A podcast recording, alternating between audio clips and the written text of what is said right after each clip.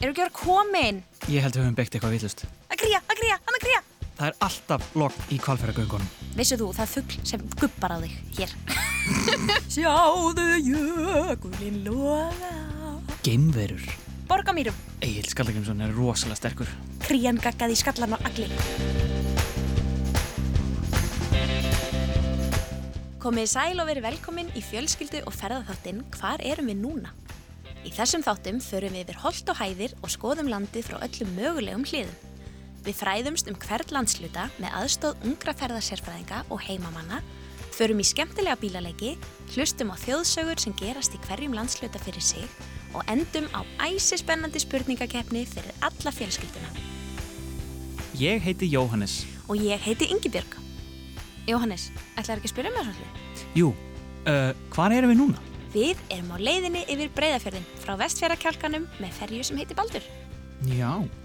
Og ákvæður margar eigir hérna. Mm -hmm. Að sé þetta að telja þér eða er þetta kannski svona eins og hólarnir í vastalum? Ég held að þetta sé svolítið eins að því leiti að fólk hefur reynd. Það er margir reynd að telja Já. eiginar í breyðafjörði. En það er svolítið erfitt. Veistu hvað eru margar? Ég hef ekki hugmynd, sko. Það er engi leið að vera viss. En þegar við förum út úr bátnum í Stikisólmi, þá erum við komin á Snæfellsnesi og við ætlum að halda áfram að ferðast um Vesturlandi. Við höfum kannski í Dalina, förum aðeins aftur á Snæfellsnes, keirum Mýrarnar, niður í Borgafjörð, förum á Akranes og í Kvalfjörð. Einmitt, það er nóg að sjá. En við þurfum að passa eitt á leiðinni. Við þurfum að hafa augun opinn fyrir geimverum. Ha, Já, akkur, að því að það eru kannski geimverur á Snæfellsjökli. hvað hefur heitt það? Því var svolítið frestað sko, en það átt að koma geimverur árið 1993. Þá sapnaðist fólk saman við Snæfellsjökul og held að, að kemur geimverur. En þær kom ekki, þannig að Eða þá, þær eru bara einhvern veginn þannig að mannlegt auga getur ekki séð þær og þær komur bara samt og við mistum aðeim. kannski eru þær hérna. Jæja, bráðum kemur Baldur á höfni Stikisólmi.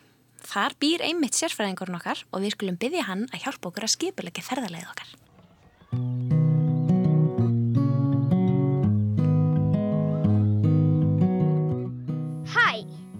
Ég heiti Jón Dagur Jónsson og ég er 8 ára. Ég bý í Stykkisólmi sem er á Vesturlandi. Það besta við að búa í Stykkisólmi er nálaðin við breyðafjörðin. Það er mikið líf og fjör og sérstaklega mikið fuglalíf.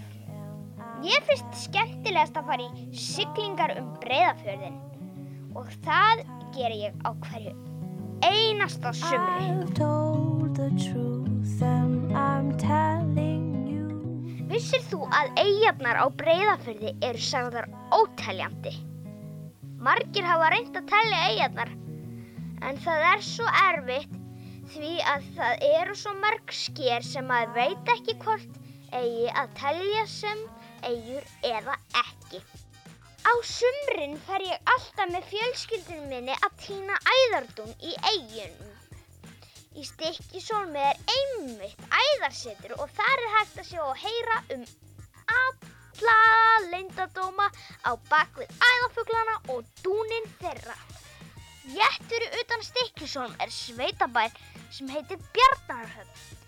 Þar er hákallasafn. Í hákallasafninu er hægt að smakka hákarl og hægt að skoða alls konar gripi. Ef maður keirir svo inn í dali þá er líka hægt að finna alls konar spennandi staði. Erpstaðir eru til dæmis æðislega skemmtilegu staður fyrir sveitakrakka. Þar er hægt að sjá beljur, grísi, kanínur og margt fleira. Þar eru búinir til ostar, skýr, mjölk og gaman fyrir krakkan að smaka ísinn sem er búinn til þar. Í dölunum líka sveitabær sem heitir Hólar og þar er dýragarður sem heitir Dýragarðurinn á Hólum. Þar er hægt að sjá mörg dýr, meira segja talandi hrapp. Ef þið hafið áhuga á því að fara í göngutúr þá mæli ég með því að þið kíkið upp á gráukúlu eða röltið um náttagan. Ef þið eruð sérstaklega mikla fjallageiður þá gætu þið líka reynda að rölta upp drábulið. Því útsýnið er geggjað þar. Ef ég ætti eina ósk, veistu hversi myndi óska mér? sem þig langar að fá uppfylltar þá gætur líka prófa að lappa upp Helgafell sem er rétt fyrir utan stikkisó. Samkvæmt gamalli þjóðatrú þá ámaður að lappa upp fellið án þess að líta tilbaka og án þess að segja orð. Ef maður gerir það þá fær maður þrjár óskir uppfylltar. Það var gaman að vera með ykkur í þessum þætti og þið eru alltaf hjartanlega velkomin á Vesturland.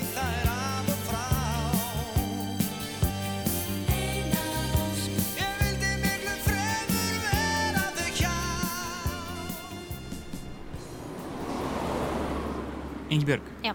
hvað gerist þegar maður dettur af hestbaki? Maður með þessi. Maður fer aftur á bak. Það til. Hei, hlustaðu aftur á bak.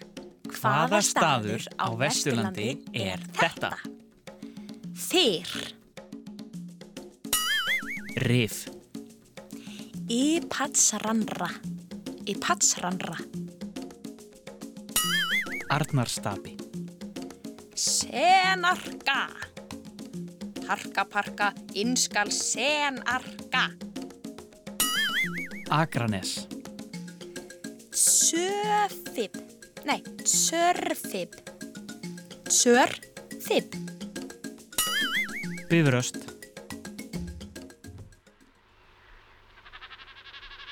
Hvaða dýr er þetta?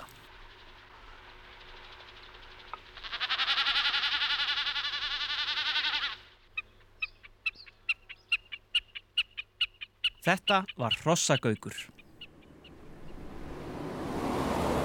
Jói. Hm? Sund. Sund ég til. Hvaða sundlega er nálægt?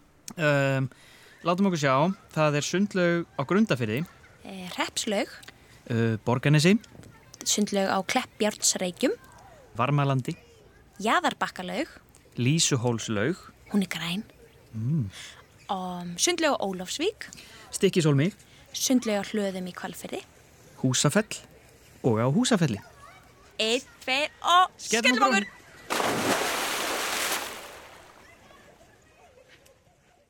Jæja, Ingibjörg, mér langar alltaf að heyra sögu þegar við komum upp úr sundi. Flestir vilja ís og pulsu þegar komum upp á sundi. Já, sko. ég vil bara heyra sögur. Ok. Hvaða sögur gerast á Vesturlandi? Manstu, hérna, manstu eftir manninu sem breyttist í kval og, og hétt Rauðhöfði, Já, á Reykjaneskaganum. einmitt. Einmitt. Sagan endar á Vesturlandi Ah, og mér langar að segja þér frá endarlokum Rauðhöfða. spennó, ég til. Rauðhöfði og glimur. Rauðhöfði var óurlegur kvalur með eldrauðan og grimmilegan haus. Hann hafði aðsetur á Faxaflóa sem er sjórin og svæðið fyrir utan Reykjavík. Þar grandaði hann bæði mönnum og skipum svo að engum var óhægt að sigla á milli Reykjanes og Akranes. Hann gerði mikinn usla og margir mistu ástvinni af völdum rauðhöfða en enginn þorða hrekjan á brott eða drepan. Eftir langan tíma í Faxaflóa færði hann sig um set og syndi inn fjörðin milli Kjalanes og Akranes og hefur sáfjörður alla tíð síðan verið kallaður kvalfjörður. Rauðhöfði var einu sinni maður sem var lagður í álög. Þið geti heyrt allt um hvernig það gerðist í þættinum um Reykjanesskaga. Í þessari sögu heyrum við hins vegar um hvað gerðist þegar einhver lagðist loks til atlögu gegn honum og barðist við kvalin óurlega.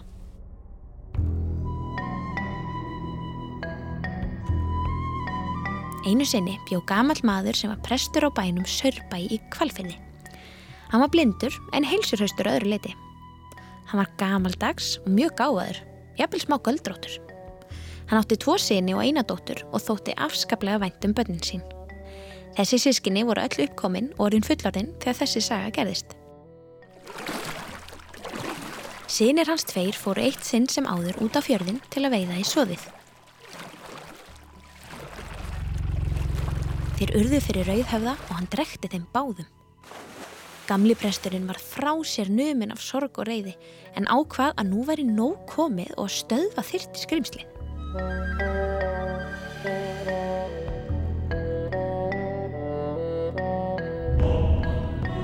Baða dóttur sína að leiða sig niður í fjöru. Hún gerði það og presturinn tók sér staf í hönd. Staulaðist hann að fjörumálinu með hjálp dóttur sinnar og stakk staf sínum ofan í og stutti sig fram á hann. Spurði hann svo dóttur sína hvernig sjórin leit út. Hún sagði hann vera speilfagran og sléttan.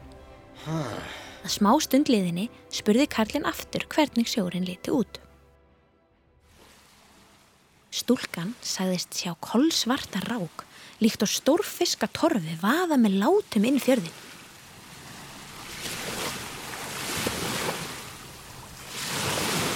Þegar rákinn nálgæðist bað gamli maðurinn hana að leiða sig inn fjörðin og gerði hún það. Kolsvarta rákinn fylgdi þeim eins og skugginn. Þegar þau nálguðust botfjörðarins sá hún móta betur fyrir rísavöksnum kvalnum sem eldi þau eins og hann veri leittur áfram eða teimtur í bandi. Við botn kvalfjörðar rennur á í sjóin úr fjallinu. Þessi á heitir Bottsá. Gamli maðurinn bað stúlkuna að leiða sig upp með fram áni. Hún gerði það og klöngraðist kallin upp fjallsliðina alltaf með stafin í hönd.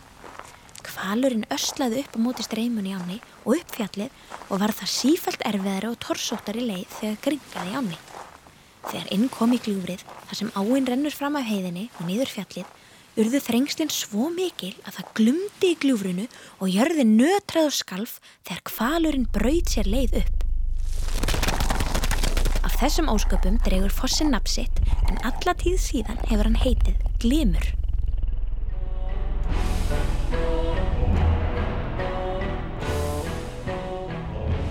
En presturinn hætti ekki að teima ófreskuna upp þegar þau voru komin upp á heiðina og í vatn það sem boss á rennur úr og alla tíð síðan hefur heitið kvalvatn. Þegar Rauðhöfði kom í vatnið sprakk hann í miljón tætlur af áreinslinni og síðan hefur ekki orðið vart við hann. Hins vegar hafa heyrst sagnir af stórkostlegum kvalbeinum við vatnið og þykir það vera merki um að það sé sannlengskorn í þessari sögu. Presturinn og dóttir hans stögluðist aftur niður heim á leið þar sem allir þökkuð honum vel og innilega fyrir afrekið. Landvættir Í skjaldamerki Íslands má sjá verur sem heita landvættir. Þær eru fjórar, alveg eins og landsfjórðungarnir. Ef við skiptum Íslandi niður í kross frá miðju þá verða til fjórir hlutar eða fjórðungar. Suður, vestur, norður og austurland. Hver landvættur hefur það hlutverk að vernda og gæta hvers fjórðungs fyrir sig. Við heyrðum af þessum vættum fyrst í heimskringlu Snorra Sturlusonar sem er mjög fræg, merkileg og gömul íslensk bók. Heimskringla fjallar að mestu um norska konunga og í henni er saga af því þegar að Haraldur Noregs konungur sendi mann til Íslands til að kanna aðstæður. Þessi maður gætt breytt um ham eða breytt sér í hvað sem er. Hann fór til Íslands í kvals líki syndi í kringum landið og rakst á leiðsynni á margar furðu verur. Við Vopnafjörð blasti við honum mjög stór dregi með orma, pöttur og eðlur í kringum sig. Við Eyjafjörð tók á móti honum fuggl, svo stór og mikill að vangirnir náðu á milli tveggja fjalla. Á breyðafyrði rakst hann á griðung mikinn sem fór að gella óurlega að honum En er hann kom söður fyrir Reykjanes, tók á móti honum Bergrisi sem bar höfuðið herra en fjöllin öll. Sendimaðurinn komst því hverki að landi og fór tilbaka og saði konungi fréttinnar. Landvættur Vesturlands er griðungur. Griðungur er annað orð yfir nöyt. Griðungurinn er risastór og byrtist á breyðafyrði. Þetta nöyt er vígalegt og öskraði hátt að sendi bóða konungs þegar að hann dyrfðist að koma nálagt vesturlandinu.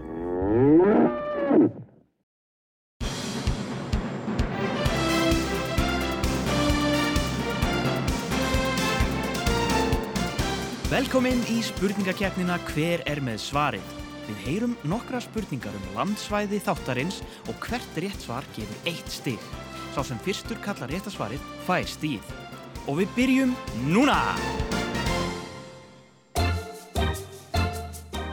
Hvaða skapstóri, höfðingi, vikingur og skáld frá unga aldri fættist á borg á Mýrum? Talið er að silfur fjársjóður hans sé einhverstaðar grafin í Mósfellssveit. Hvað heitir maðurinn?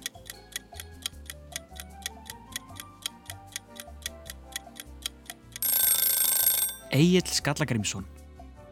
Til er listigarður sem heitir eftir skallagrími pappa Eils. Í sama bæ heitir Íþróttafélagið ymmit skallagrímur. Hver er bærin?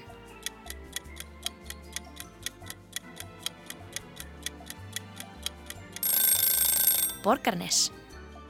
Í Borgarnesi er merkilegur og fallegur róló sem Björn Guðmundsson trésmíðameistari byggði úr efni sem hafði verið hend eða átti að henda. Hvað heitir rólóin?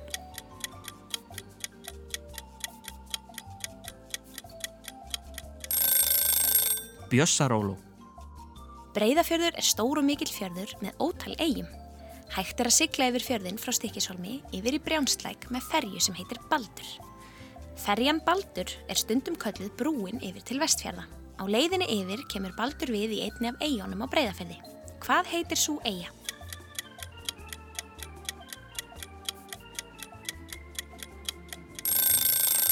Flatey. Hvað heitir Íþróttafélagið í Stykkishólmi?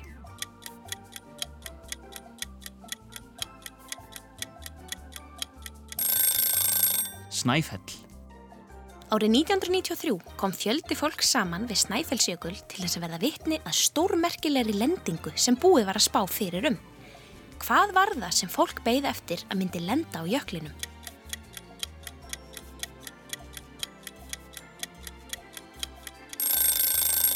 Geimverur.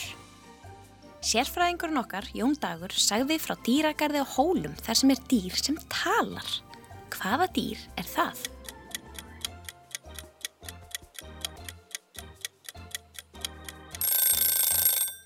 Hrafn. Rétt hjá Stykkishólmi er eldgamalt höfuðbíli sem heitir Helgafell. Hægt er að fara í svo kallaða Óskagöngu sem Jón Dagur, sérfræðingurinn okkar, sagði frá áðan. Þá er gengið frá Helgafellskirkju að leiði Guðrúnar Ósvífurstóttur, einnar aðalpersonu lagstælasögu. Til þess að óska sér þarf að fara eftir nokkrum reglum, en ef þeim er fyllt, hvað fær maður þá margar óskir þegar á fellið er komið?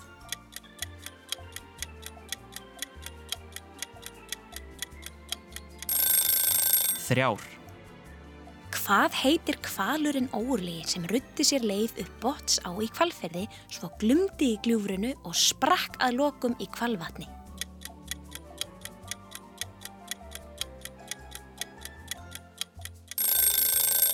Rauðhöfði. Heim í Búðardal er gamalt og þekkt dægurlag með The Lonely Blue Boys. Búðardalur er í Kvamsfyrði, norður af Snæfellsnesi. Ef maður skoðar kort af Íslandi er sá fjörður svo litið í læginu eins og ákveðin fatnaður. Hvaða fatnaður?